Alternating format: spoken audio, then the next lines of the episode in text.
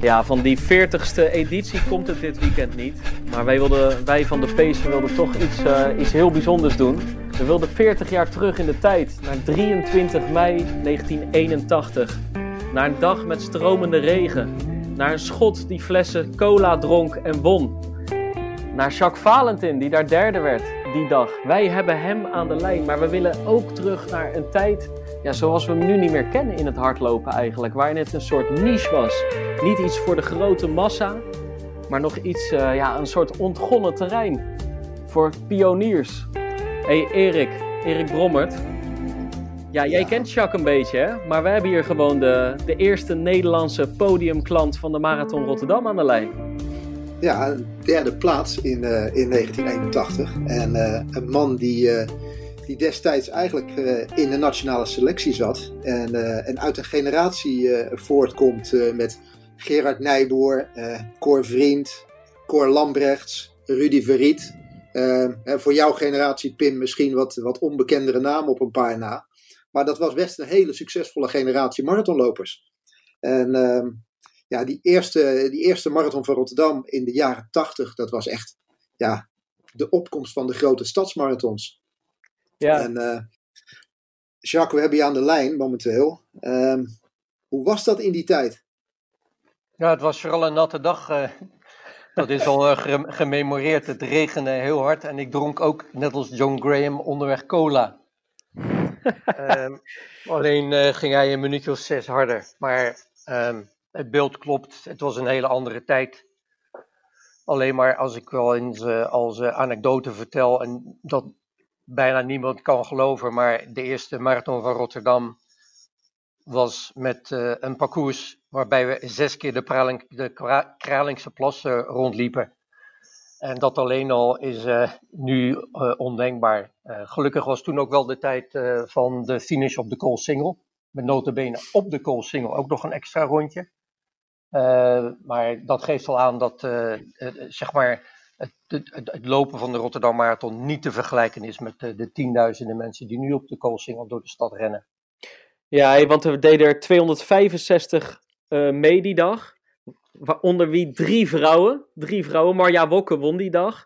Hey, en en hoe, hoe kwam jij erbij om daar te lopen? Hoe ging dat? Werd je ervoor uitgenodigd? Want zoals Erik net al beschreef, het was natuurlijk niet zo, uh, uh, zoals nu, dat je maanden van tevoren, dat er allemaal mensen met een soort bucketlist ambitie naar die marathon aan het toewerken was. Het was er nog niet, het kwam. En hoe, hoe kwam jij erbij om die dag te gaan lopen? Um, ik ben uitgenodigd um, om deel te nemen aan die eerste marathon in Rotterdam. Um, het speelde ongetwijfeld mee dat ik uh, ja, zeg maar een, een plaatselijke marathonloper was van enige allure. Ik kwam er wel uit het Westland, maar uh, Rotterdam is niet zo ver van het Westland vandaan. Ik kan me nog wel herinneren dat er uh, een beetje handjeklap is gedaan tussen de toen de tijd Westland Marathon en de Rotterdam Marathon. Uh, ik heb uiteindelijk gekozen voor Rotterdam um, omdat ik um, zag dat er met die rondjes rond de Kralingse Plas uh, potentie lag voor een goede loop, voor een goede tijd. Vooral door de beschutting van de bomen. En dat, uh, zoals je misschien weet, in het Westland langs de Maasdijk en aan de kust er af en toe een uh, aardig windje kan staan. Dus die, dat idee van door tussen de bomen lopen, uh, windstil, dat speelde mee. En daarnaast speelde de rol van mijn toenmalige trainer Wim Verhoorn ook een rol die mij ook vertelde dat Rotterdam ook met het eh, deelnemersveld um, een goede optie zou zijn. Een betere optie dat jaar dan de Westland Marathon. Ja, ja Jacques, even voor, uh, voor, voor, de mensen die, die de, de Westland Marathon uh, misschien niet kennen. De, de Westland Marathon, de marathon van Maasluis, was, was naast die van Rotterdam. En ik denk in die periode ook, periode ook die van Amsterdam, de wel meest bekende marathon van, uh, van Nederland zo'n beetje. Waar, waarin ook gewoon hard, hard gelopen werd. Erik, jij, jij wordt even gebeld, Erik. Ik word even gebeld, ja. ja. Ja, sorry. Ik zit hier vanuit mijn kantoor in de winkel en dat gaat, dat gaat gewoon door. Ja, ja, ja. Trek even die stekker eruit, Erik. Ja, ja hij is al opgenomen niet. intussen. Oh, oké. oké. Sorry, waar was je mee bezig? Een even, ik, was, ik, ja, ik had het even over die Westland Marathon. Dat dat toch wel een, een grote marathon was. Ik bedoel, we gaan zo door op, op Rotterdam, maar Jacques noemt, noemt dit. En, en die marathon is, uh, ja, is er intussen tijd niet meer. Er wordt volgens mij nog wel een halve marathon gelopen. Ja. Maar in die tijd was het, uh, werd hij volgens mij een paar weken na Rotterdam gelopen. Als ik het goed heb. Ja, ze zaten altijd in elkaars vaarwater. En wat je zegt, uh, ja. ook, Amsterdam in die tijd ook, die zat toen ook in het voorjaar. Dus dat was altijd een beetje ruzie. Ja, ja. Maar daar werden ook wel tijden van 2.10, 2.11, 2.12 gelopen. Dus ja. dat was, was in die tijd een serieuze marathon ook. Ja, mijn PR heb ik in, uh, in uh, Maasluis gelopen, dus in de Westland Marathon. Ja. Je, mag, je, je, mag hem noemen, Jacques. Uh, daar komt hij, 2.13.45. Kijk, Kijk, ik applaudisseer in mijn slaapkamer. Ja, ik vind het hartstikke mooi. Erik, doe je ook mee? ja, ik doe mee hoor. 2.13.45 in Maasluis, dat, is, dat valt niet mee. Ja. Maar wel in, wel in je thuismarathon, dus dat ja. was wel bijzonder. Ja. ja, ik heb een paar keer gelopen en wat je zegt, het parcours liep langs bijna de tuin van, uh, van mijn vader. Dus ik kende daar, en daar werden ook veel grapjes over gemaakt. Ik kende alle ins en outs van het parcours. Dus uh, er werden ook grapjes gemaakt dat ik wist waar ik moest afsnijden. hey, Jacques, hoe, hoe ben jij ooit met hardlopen begonnen? Want um, het, het, het was wel minder groots dan nu, hè? Minder in. Ik had een buurman, uh, uh, wij hadden een buurman thuis, die deed aan amateur boksen. En die werkte aan zijn conditie door in het Stelduinse bos één keer in de week te gaan trainen met een groepje. Daar heb ik me toen als pak een beet 17, 18-jarig uh, puber bij aangesloten. En uh, zo is het eigenlijk begonnen als uh, zeg maar loopmaatje in een groepje sporters in het Stelduinse bos. En zo is het harder en sneller gegaan. En uiteindelijk is het uitgekomen op 2.13.45 op de marathon. En hoe werd er toen, hoe werd er toen gekeken naar, naar hardlopers en naar fanatieke hardlopers zoals jij? Ja, het was een beetje hardcore. Hè? Um, um, het, het, ging vaak om, uh, om, om, prestaties en, en, en, en, goed lopen en niet zozeer om lekker lopen. Veel afgezien, uh, los zand, uh, heuveltjes over, aanhaken bij een toenmalig oud-Nederlands kampioen 10 kilometer, Jan van der Voort. En het was een harde leerschool. Um, maar buitengewoon plezierig en, en, en nuttig voor, voor mijn, mijn loopbaan als, als, als atleet. Dus Jacques, wanneer, wanneer werd jij opgepakt als, als, als echt als talent door, door, door Wim Verhoorn, destijds de, de bondscoach? Um, ik ging als.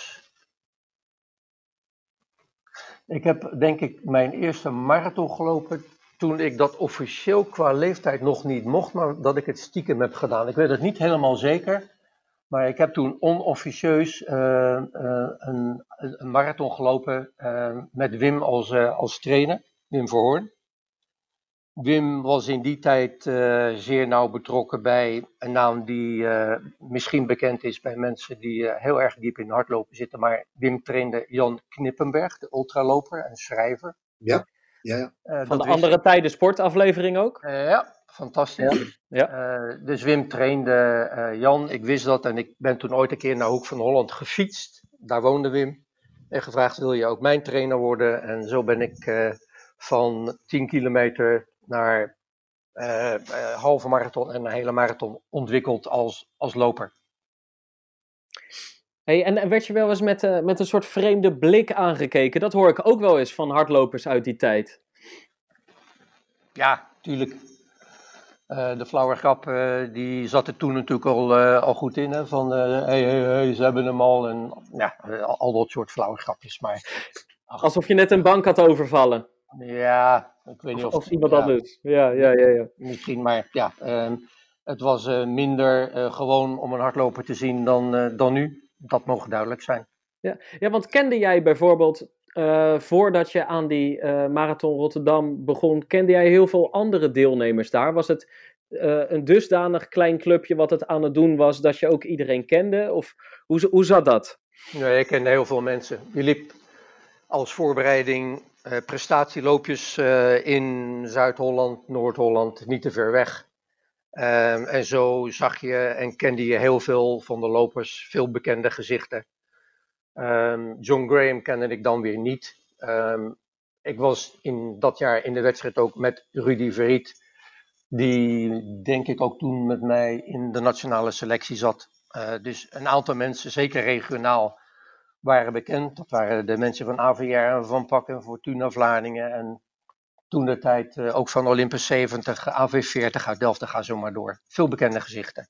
Ja, hey, je noemt een paar atletiekverenigingen, AVR, uh, eh, PAK. Dat zijn, dat zijn echt de Rotterdamse verenigingen die Erik en ik erg goed kennen inderdaad. Uh, wij zijn lid van PAK. Die, die eigenlijk die verenigingen hebben destijds uh, de handen ineengeslagen. Hè? Eigenlijk een jaar eerder al, in 1980. Toen hebben ze het Nederlands kampioenschap 25 kilometer georganiseerd.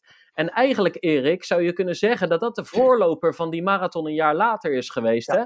Er waren wat plannen uh, van, vanuit, vanuit de gemeente uh, om, om die stad een beetje te promoten. Dat hadden ze gezien in Boston en in New York, hoe een marathon daar gebruikt voor kon worden. En toen was er dus die NK 25 kilometer in 1980. En toen hebben ze gedacht, hey, dat kunnen we eigenlijk uitbouwen naar de marathonafstand. En dan zou het wel heel mooi zijn als we wel in die binnenstad finishen op de Koolsingel. Een beetje ter ere aan de binnenstaddag. Hè? Dat was een soort winkeliersdag. Uh, of hoe moet ik dat zien, Erik? Ja, ja maar die, die 25 finishte zelfs al op de Koolsingel. Ja, oké. Ja, ja. Dus die, die finishte daar al. En die had al een, uh, die had al een goede winnaar. Dus uh, dat, is, dat is echt een beetje de voorbode geweest van, ja, van het doorpakken naar, naar die marathonafstand. Ook omdat natuurlijk die grote stadsmarathons in opkomst waren. New York kwam langs, was er natuurlijk langs erbij gekomen. Londen was er. Uh, dus ja, grote steden en een marathon, dat, uh, ja, dat kon in Rotterdam niet achterblijven. Zal ik, zal, ik je, zal ik jullie eens wat grappigs vertellen, Jacques? Want dat parcours wat jij net al een beetje beschreef met die rondjes Kralingse Plas. Um, ik weet wie dat uit heeft ge, uh, ik weet wie dat parcours heeft uitgezet. En dat is een man die, die leeft nog. Willem, nee, Willem nee, Witvliet. Willem, Willem ja. Witvliet. Dat is een man van 99. Hij wordt in mei 100 jaar. En ik heb hem, omdat ik hem aan een boek werk over de atletiekvereniging pak, heb ik hem geïnterviewd. En hij heeft beschreven hoe hij dat met zo'n, ja, hoe heet dat? dat met eigenlijk een wiel handmatig is hij dat parcours gewoon af gaan lopen en uit gaan meten. En het was natuurlijk een pietje precies. Maar het was nog wel de tijd zonder de technologische hulpmiddelen van nu. En uh, uh, nou, hij heeft heel dat parcours afgelopen. 42 kilometer, 195 meter. Ja hoor, het klopte. En toen kwam die dag en toen werd er eigenlijk zo hard gelopen. Dat, er, dat er internationaal gezien vragen werden gesteld van ja, maar die afstand kan nooit kloppen. En hoewel Willem Witvliet wist van ja, dit, dit, dit klopt, want dit, ik heb dat parcours uitgemeten en het, het kan niet mis zijn en ik heb het gecontroleerd. Ja, kneep hij toch wel even zijn billetjes samen van de spanning. Want hij dacht, het zal me toch niet gebeuren dat ik er even 500 meter naast zit. Ja, maar Willem Witvliet kennende, ja. is dat absoluut niet het geval. Ja. Hey, hey, Jacques, zag jij er, je, je, zei van, ja, we hebben er bewust voor gekozen, want hè, door die bomen, uh, hè, dat kon nog wel eens een goede tijd opleveren, maar zag je daar aan de andere kant ook tegenop? Want het is nogal wat, vijf rondjes Kralingse Plas. Daar zag ik niet zo tegenop. Um, wat erg, uh, wat, wat hele dikke pech was, was dat er niet zoveel toplopers uh, voorin in een groepje terechtkwamen. Ik weet het niet helemaal zeker, maar ik schat dat ik tussen de 38 en 39 kilometer van de 42 kilometer alleen gelopen heb. En dat had ik van tevoren zo nooit ingeschat. Uh, dus ik heb eigenlijk bijna een hele marathon als een soort van tijdrace tegen mezelf gelopen.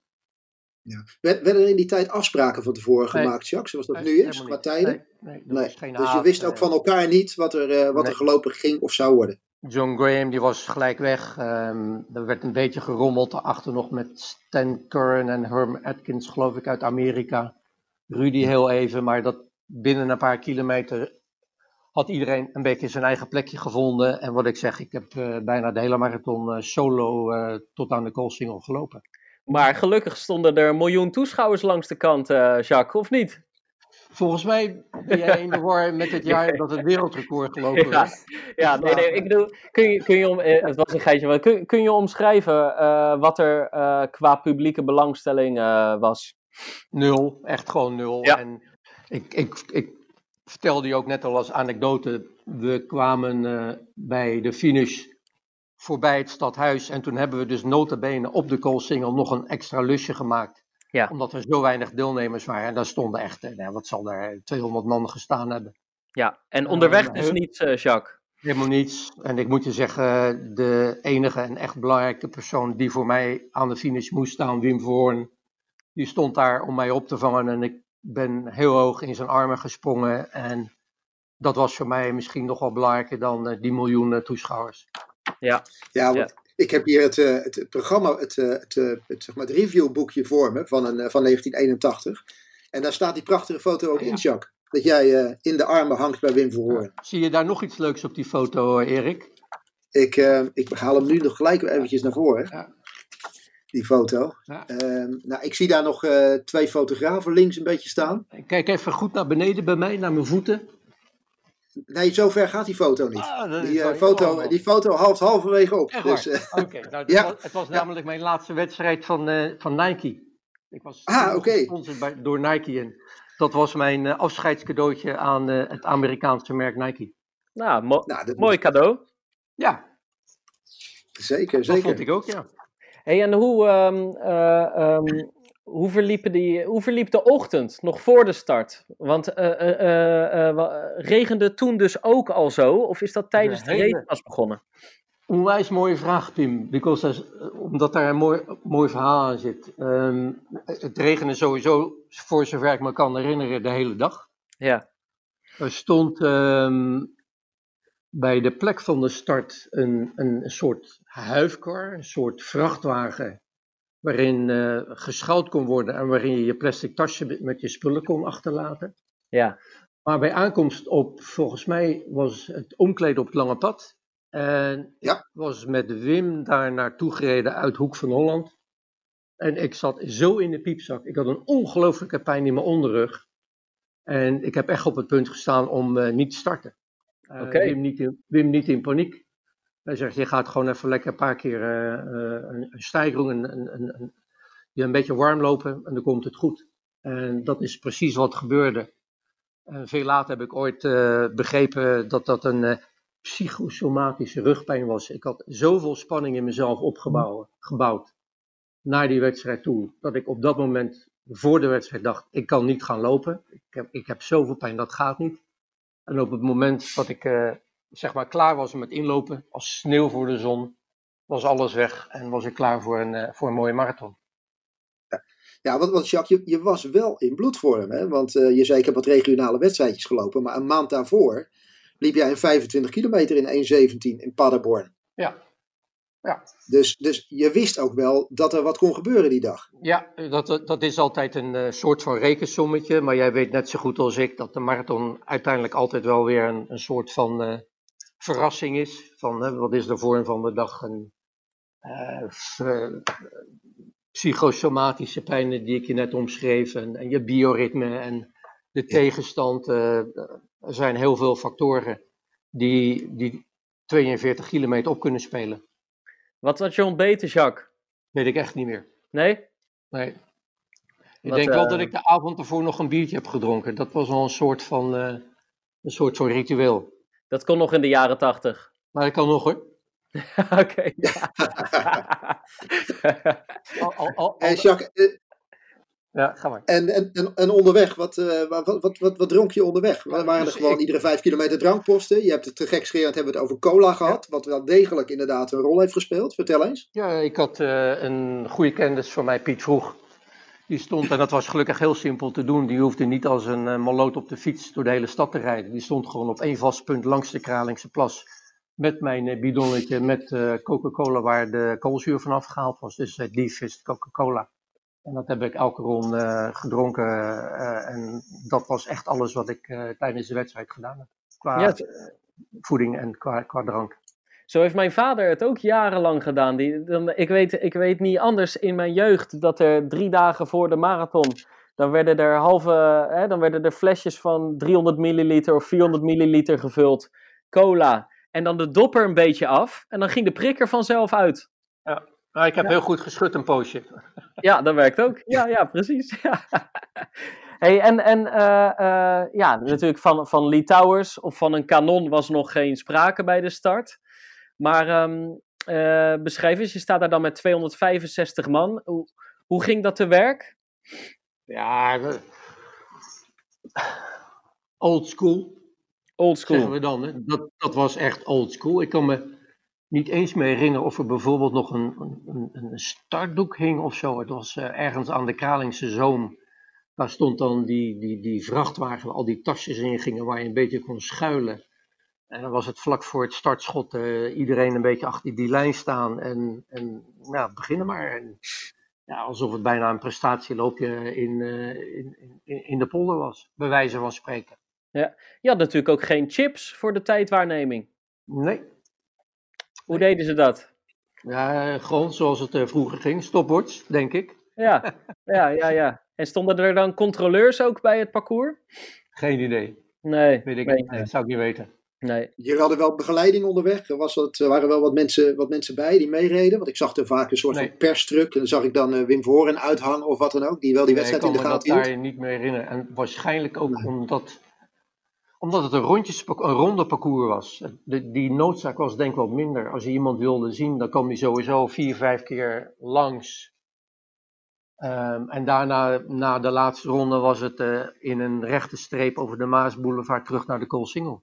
Ja, ja. Hey, en, en had jij tijdens dat eerste rondje, eh, had jij toen al door dat je wel degelijk een goede dag had, eh, Jacques? Eh, durf ik niet te zeggen.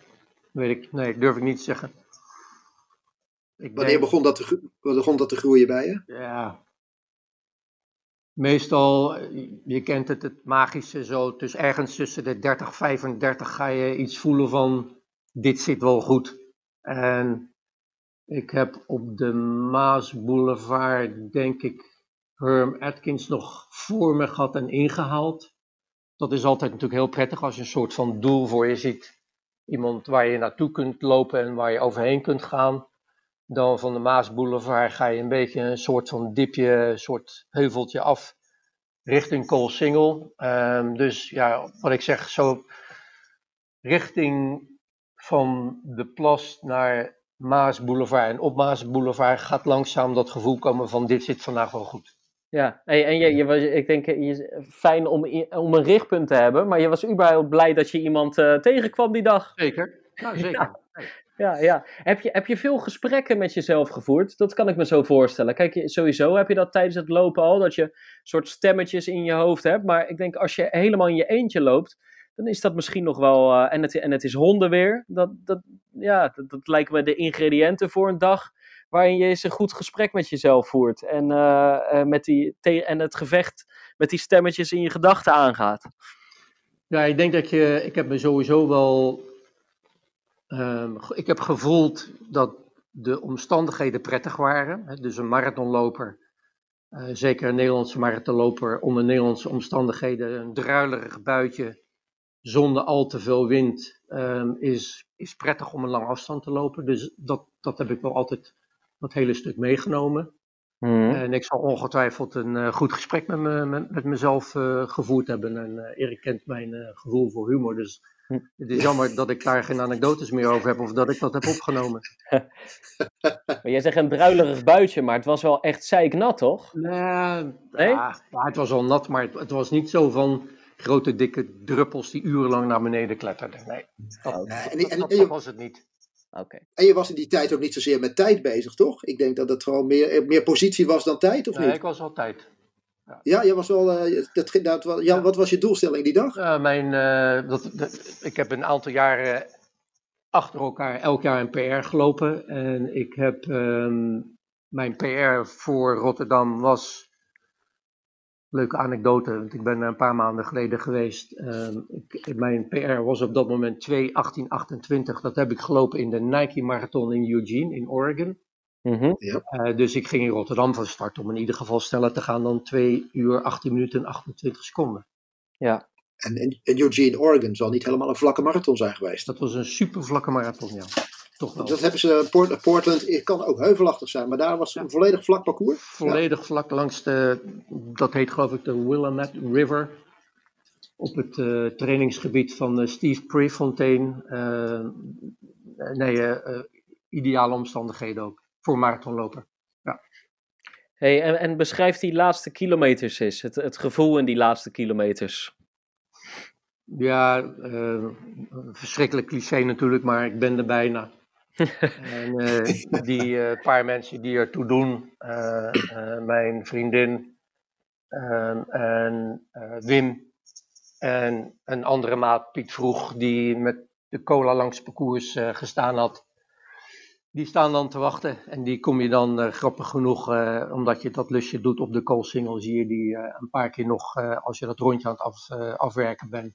Ja, en dan het passeren van de finishstreep spring ik ongelooflijk hoog in de armen van steun en toeverlaat Wim Verhoorn. En daarna met een, een, een, een windjack aan van een concurrerend merk al snel terechtgekomen in uh, het stadhuis uh, uh, op de Koolsingel bij André van, van der Lauw voor de prijsuitreiking.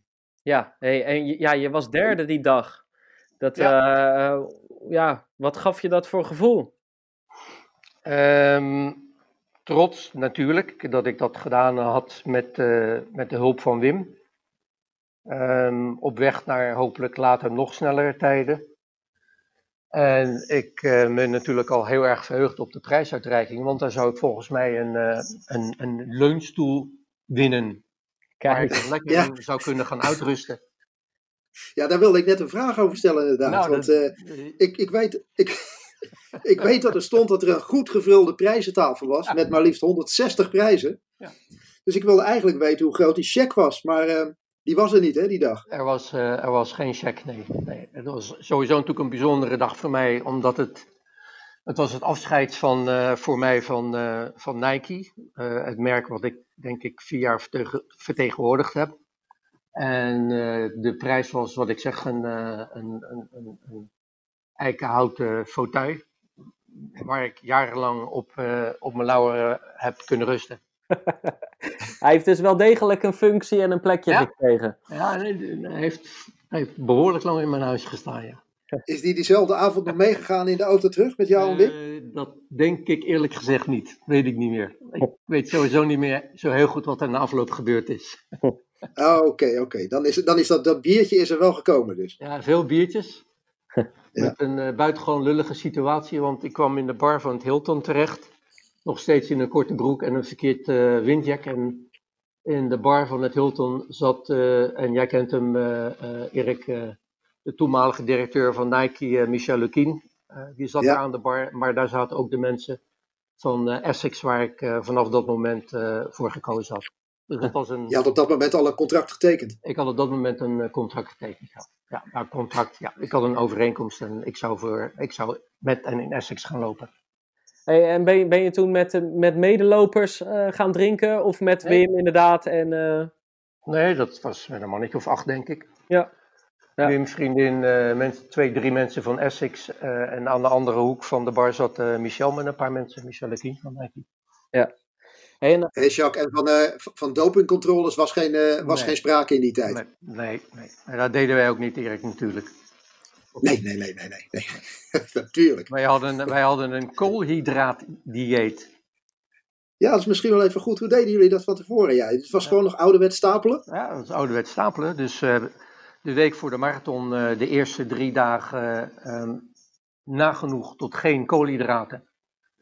En de laatste drie dagen voor de marathon koolhydraat stapelen. Dus veel pasta en bananen en aardappelen.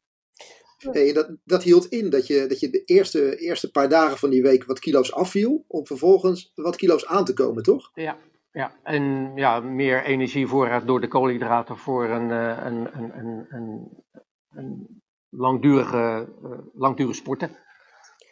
Zijn er dingen die je toen hebt gedaan die je uh, absoluut met de kennis van nu, nu niet meer zo zou aanpakken? Ik had iets serieuzer voor mijn sport moeten leven. Leg uit. Nou, het is wel een hele intieme vraag. Oh. nee, ik zou zeggen, verklaar je nader. ik had misschien uh, wat meer uh, op mijn voeding kunnen letten. Ik had meer aan, uh, niet alleen aan looptraining moeten doen, maar ook aan andere soorten training. Dus mijn onderrug meer spierversterkend moeten werken. En Wim heeft daar wel altijd geprobeerd werk van te maken, maar ik was en ik ben nog steeds best wel een beetje eigenwijs. Dus ik luisterde niet altijd. Nee. Want, want had jij het gevoel eh, dat er al heel veel kennis was? Of moest er toch ook nog wel heel veel kennis worden opgedaan in die jaren daarna? Dat laatste vooral. En met name Wim heeft daar een hele grote rol in gespeeld. Niet alleen met mij als, eh, als trainer van, van Jacques Valentin, maar Wim heeft natuurlijk jarenlang ook bij de Nationale Atletiekbond eh, heel veel pionierwerk gedaan op het gebied van, van, van marathon of van lange afstandlopen. Ja. Eh, ook tot aan het populair worden van met name het hardlopen van vrouwen. Toen de tijd met eh, Even, met Avon, met het cosmetica-merk en echt heel veel baanbrekend werk gedaan. Ja. Ja, wat, wat, wat, jij was in, het, in die tijd inderdaad onderdeel van een, eh, van een best wel succesvolle groep, eh, groep atleten. Hè? Want Gerard Nijboer had natuurlijk daarvoor, was natuurlijk daarvoor ook al succesvol geweest. Ja. Eh, Wim was wel een beetje de man die die groep bij elkaar hield hè? en die die groep sterk maakte. Zeker. Op een hele natuurlijke, mooie manier. Ik kan me altijd eh, nog goed herinneren, we hadden in de winter elke maand een nationale training op eh Zeist of op Papendal of in Beekbergen. En dan kwam Wim eh, met een soort ordner met uitnodigingen die binnen waren gekomen op het bondsbureau voor wedstrijden in het buitenland. En daar zaten we dan met 10, 12 atleten, wat jij zegt, met Gerard en met Rudy en Cor Lambrecht Martie ten Katen. En dan was het echt een soort van, eh, van nou, wil jij een keer, of jij, ga jij een keer naar Orange Bowl in Miami? Ja, vind, nou, ga jij daarheen? En die pakt dan eh, de 20 kilometer in Rome. Oh, nou. Dus dat werd altijd op een, op een onwijs leuke manier, zonder managers, eh, werd dat door Wim, door de Atletiek Unie, werd dat ja, verdeeld, zal ik maar zeggen. Ja. Hey, had jij die, die avond, jij komt daar als derde over de, over de streep in een mooi nieuw PR. Je wint, je wint een fantastische leunstoel. maar had, had jij het gevoel dat je eh, bij de geboorte van iets groots aanwezig was geweest? Nee, ik moet dat eh, gewoon eh, eerlijk toegeven. Nee, dat, dat, dat had ik niet. Nee. En waar zat het hem dat, dat in? Dat, dat het gewoon nog zo kleinschalig en misschien ook een tikkie amateuristisch was? Of waar zat Ja. het hem in? Ja, ja, denk ik. En uiteindelijk is dat in een stroomversnelling eh, terechtgekomen. En eh, eh, ik, had dat idee niet. En grappig genoeg ben ik later in diverse andere hoedanigheden vrij nauw betrokken geweest bij de Rotterdam Marathon. We zijn als Essex, ik ben, we zijn een aantal jaren lang sponsor geweest van de Marathon van Rotterdam. Ik heb een aantal jaar het, het commentaar gedaan met Theo Rijtsma voor de televisie. En ik heb altijd een hele nauwe band eh, gehouden met, eh, met Rotterdam en met, met Mario ook. Maar in eh 81 had ik niet durven inschatten dat het een dergelijk groot succes zou worden. Had je dat kort na het, eh, na, de, na het evenement, een een week, twee weken daarna, had je dat toen wel in de gaten? Want er waren Nee. natuurlijk hele lovende kritieken over de race geschreven in de pers. Nee, niet echt. Nee. Nee. Nee, dat is echt stapje voor stapje eigenlijk eh, in een ontwikkeling terechtgekomen. En uiteraard niet alleen in Rotterdam. Hè. Uiteindelijk in eh, overal, eh, alle landen en, en met name in de grote steden is dat stapje voor stapje heeft zich dat ontwikkeld. Ja, hoe, hoe is dat die jaren daarna gegaan in Rotterdam, vanuit jouw blikveld?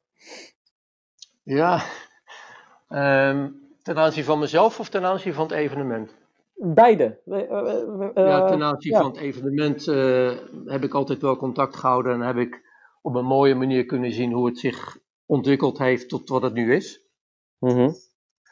Voor mezelf, met name die eerste paar jaar, eh, heb ik eh, Rotterdam en de Westland Marathon een paar keer een beetje tegen elkaar uitgespeeld, zodat ik er een leuk eh, startvergoeding uit kon slepen. Of ik Ah, In kijk, Rotterdam. wel. dan wel in mijn sluis zou lopen.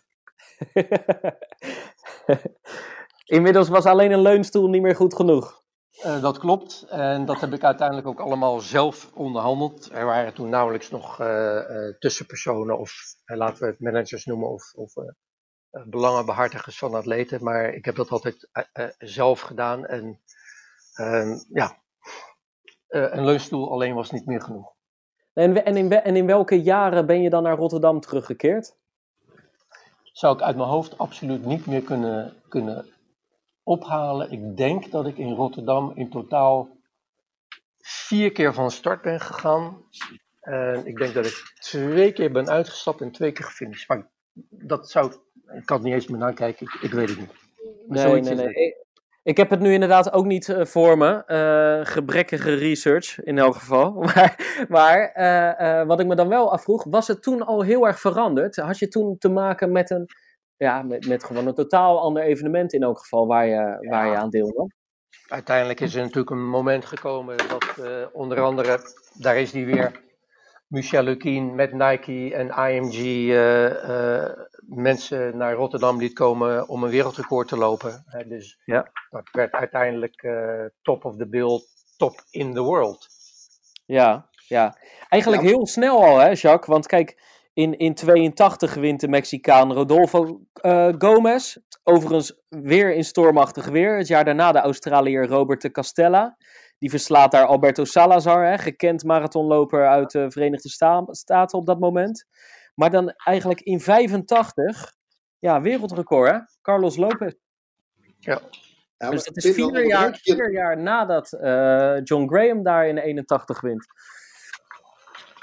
Maar dan onderbreek ik je toch nog even, Pim, want ik vind dat je heel makkelijk over de marathon van 1983 heen stapt. Vertel. Want want 1983 was denk ik echt de grote doorbraak van de Rotterdam Marathon. En ik denk dat Jacques dat misschien wel mee kan beamen, want dat was uh, de marathon waarbij inderdaad Robert de Castella aan de start stond, uh, Carlos Lopez en voor het eerst de toenmalig wereldrecordhouder Alberto Salazar, die vanuit Amerika overkwam om voor het eerst in Europa te lopen. En uh, dat was de eerste race waar wel serieus een aanval gedaan is op het wereldrecord. Maar doordat ze met elkaar samen dusdanig lang hebben gelopen, werd het op een gegeven moment eerder een race over wie er als eerste over de streep kwam, dan dat dat wereldrecord daadwerkelijk op de klokken kwam. Hoe heb jij naar die ontwikkeling gekeken van die marathon, uh, Jacques? Je hebt het net al een beetje uitgelegd, maar als we nu helemaal zeg maar, de boel in, in fast forward spoelen. En, en, en hè, we leven nu in 2020. Nou ja, dit jaar komt hij er niet van in april. Maar um, het is zo'n massaal evenement geworden. En er zijn zoveel marathons alleen in Nederland al. Uh, en, en de doelgroep is inmiddels zo breed geworden. Hoe, hoe kijk jij daarnaar? Ja, de mensen worden daar heel blij van. De activatie om de evenementen is enorm.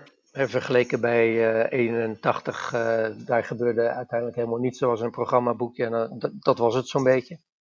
Dus de hele beleving nu is niet te vergelijken met, met, met, met enkele tientallen jaren geleden. Dus wat ik zeg, mensen zijn daar heel erg, worden daar heel erg blij van. Kunnen ook alles met elkaar delen, social media, uh, trainingsgroepen, uh, diverse vormen van activaties. Dus dat is hartstikke fantastisch. Ja, hey, en tegelijkertijd, het niveau is natuurlijk wel echt anders. Hè? Want Erik, ja. pak jij die limieten er eens bij en die tijds, uh, uh, qua tijd van de, in 81, hè? Als je, dat is onvergelijkbaar ja. met nu. Ja, want in, in 1981 was de, de, de limiet om mee te mogen doen, was 3 uur en 45 minuten. Hè, als, als, we dat, als we dat nu zouden toepassen, dan, uh, dan zouden we lang niet meer zoveel deelnemers aan de start hebben, Jacques. Grappig, ja. Ja, dat had natuurlijk alles te maken met het afsluiten van de Koolsingel van de Maasboulevard, mag ik aannemen. Maar dat is een hele grappige uh, constatering, uh, Erik. Ja, dat heeft best een tijd geduurd. Eer dat die limieten op, uh, opgerekt werden. Want er stond zelfs op 30 kilometer stond ook een doorkomstlimiet. En daar stonden gewoon echt mensen ja, ja. met een lint. en die haalden, gewoon netjes, die haalden gewoon netjes een startnummer van je borst af. Als je daar niet op tijd doorkwam. Ja, en nu, nu officieel, officieel staat hij op 5,5 uur. Alleen ze wachten eigenlijk gewoon keurig totdat de allerlaatste over de streep komt. Hè? En dan wordt er met toeters, slingers, confetti uh, geschoten. En dan, en dan de winnaar, hè? vaak een Keniaan of een Ethiopiër, die wacht dan ook nog totdat ze over de streep is voor een gezamenlijke foto. Het is echt, wat dat betreft, is het natuurlijk gewoon een totaal andere wereld. Ja. Maar een fantastisch loopfeest, hè? Ja. Dat duidelijk zijn. Dat, dat zeker. Jacques, jij, bent uh, even, terug naar jouzelf. Jij, jij bent je actieve carrière, die, die heb, heb ben je gestopt. Maar jij, jij loopt volgens mij nog dagelijks. En, en ook nog, uh, nog, nog regelmatig ook nog wel eens uh, een marathon met iemand mee. Ik zie je wel eens met, met de print, zie ik je wel eens een marathon lopen. Dus jij bent nog, nog steeds heel actief. Ja, je zegt een paar dingen. Um, ik loop elke dag. Um, met enige trots wil ik wel zeggen dat ik ruim 26 jaar geen dag niet gelopen heb. Geen dag Echt? niet gelopen, 26 jaar. Kijk, Ik ben klaar met eh, de massa-evenementen, dus je ziet mij niet meer met iemand een eh, marathon lopen. Dat is eh, een eh, gesloten boek. Ik wil ook proberen om over 10, 20, 30 jaar nog een stukje te kunnen lopen. Het enige waar ik wel heel erg blij van word is, eh, en dan daar komt de term weer, old school. Ik vind het ontzettend leuk om eh, in de Ardennen in België of in Noord-Frankrijk aan een old school eh, trail event, trailloopje mee te doen. Eh, 15, 25 kilometer, een beetje de boes boes in, een riviertje overspringen. En daarna vooral barbecue en een biertje drinken. dus de liefde voor het lopen heeft jou nooit verlaten, hè, Jacques? Nee.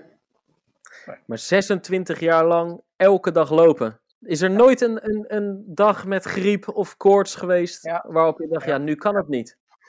Ja, en dan zijn er ook mensen die tegen mij aanpraten dat ik hartstikke stom ben. Maar ik heb je net gezegd, ik kan enorm eigenwijs zijn. Dus dan luister ik vooral niet. En dan ga ik toch een 20 minuten lopen en dan een lekkere warme douche daarna. En dan denk ik dat ik me weer veel beter voel. Wat heeft het jou gebracht, door- al dat hardlopen? Ja, simpel, plezier. Ja. Je fit voelen. Hey, en en eh, deed het jou persoonlijk ergens nog pijn? Vond je het lastig om te zien dat die 40ste editie eh, niet door zou gaan? Ja, want ehm, het zou een hele lastige dag voor mij zijn. Wij zijn eh, als merk sponsor van het op één na grootste loopevenement ter wereld, de Marathon van Parijs. Dat is de tweede, de tweede marathon naar New York. Die valt op dezelfde dag, dus ik had al met enige moeite gezegd in Parijs, ik zal er eh, niet zijn, want ik ga naar Rotterdam. Ehm, maar nu gaan en Parijs en Rotterdam niet door. Ja, En je, noemt, je, noemt, je noemt dat zo. Betekent, jij bent, ben je bij iedere editie aanwezig geweest in Rotterdam? Eh, nee hoor, nee, nee, nee. Ehm, sterker nog, ik denk dat ik in de laatste tien edities er acht of negen in hetzelfde weekend in Parijs eh, geweest ben voor de Parijs Marathon. Dus Ja, in die ja. zin eh, had ik me, en dat doe ik dan later in het jaar, verheug ik me er enorm op. Enorm om een aantal eh, mensen te zien eh, eh, die een rol hebben gespeeld in eh, 40 jaar Marathon van Rotterdam. Ja, want ik begreep van Mario eh Cadix, hè, de, de, de directeur, dat bijvoorbeeld John Graham zou komen. De schot die destijds gewonnen heeft. Ja, en die gaat geen cola drinken. Nee, nee, dat kan ik me voorstellen. Nee, dat doet hij ook al een tijd niet meer. Ja, nee, eh, super. En ongetwijfeld zullen er heel veel mensen zijn die een rol hebben gespeeld in eh, de historie van de Marathon van Rotterdam. Die eh, uitgenodigd zijn voor die eh 40ste editie. Maar eh, wat in het vat zit, verzuurt niet. En laten we dat dan lekker later in het jaar doen. Hartstikke fantastisch. Ja, het wordt wel een krankzinnige maand in, eh, in oktober. En eh, als, je, als je eind september, eh, begin november meeneemt. En stel dat de wereld van het coronavirus verlost zou zijn, dan worden daar zo ongeveer alle grote marathons in anderhalve maand georganiseerd. Ja, en eh, dat, is een, eh, dat is mijn werk uiteindelijk. Dus ehm, het is nu eh, heel veel dingen omgooien. En wat je zegt, het najaar gaat gekhuis worden. En dan hebben we, we zijn goldpartner van de Olympische Spelen. Dus in 2021 hebben we dan uiteindelijk dan, goddank wel, Olympische Spelen. En dan de wereldkampioenschap atletiek zijn van Eugene 21 weer naar 22 verplaatst. Dus het is een beetje een bende op dit moment. Maar laten Ja, we eerst zorgen dat we het- allemaal gezond worden hè? en gezond blijven. Ja. Precies, als, als, als, als, dat, eh, als dat het doel is, en, en daar hopen we allemaal op dat, dit, eh, dat deze crisis niet, eh, niet voor eeuwig zal duren, dan, eh, dan zouden we wel eens, eh, met een heel aantal stippen voor, op, de, op de horizon, zouden we wel eens een heel mooi najaar kunnen krijgen met, eh, met nog vele mooie stadsmarathons. En eh, dan willen we jou, jou bedanken voor, eh, voor een mooie inkijk en een mooie terugblik op, eh, op 40 jaar geleden, 1981, Rotterdam Marathon. Ja, met uh, buitengeval, uh, buit, buitengewoon veel plezier gedaan. En ik ben ongelooflijk benieuwd naar het intro-muziek. Dus ik, ik ga zeker luisteren. Ja, oké. Okay, hartstikke bedankt, Jacques. Mannen, de groeten in Rotterdam. En we gaan elkaar zien. Oké. Okay. Hey, voor de luisteraars nog even een belangrijke boodschap. Uh, dit is de terugblik op die allereerste editie in 81. Komende zondag, als eigenlijk de jubileumeditie de 40ste gehouden zou worden, dan gaan Erik en ik aan nou ja, een soort zelfkastijding doen. We gaan gewoon naar buiten kijken, voelen wat het weer is en kijken wat er eigenlijk die dag had moeten gebeuren. Erik op de motor, ik met mijn wonderbenen. We gaan gewoon even, even dat marathongevoel opwekken. Uh, ja, dus, dus, dus eigenlijk over drie, vier dagen dan staat er alweer een podcast online. Dus het is een drukke tijd, Erik. Ja, en één ding, een beetje vooruitlopend daarop. Ik heb alvast naar die weersvoorspellingen gekeken. Het lijkt erop dat het voorjaar wederom gaat beginnen voor het vierde jaar rij. Op de dag van de Rotterdam Marathon. Als ja, die gelopen zou worden. Daar was, in, daar was in mei 81 nog geen sprake van. Van die traditie dat het de eerste warme dag Hè, dat dat tegelijkertijd viel met de Marathon Rotterdam. Maar ja, nu is het in 2020, weten we dat inmiddels wel. Dus hou ons in de gaten. Dankjewel Jacques. Tot de volgende Pacer.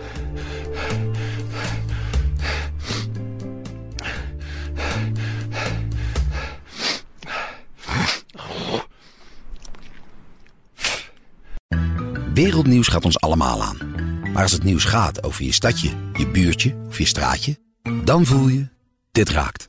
Daarom lees je in het AD alles over het nieuws in de wereld, Nederland en jouw regio. Download nu de AD-app en mis nooit wat voor jou belangrijk is. AD, altijd dichtbij.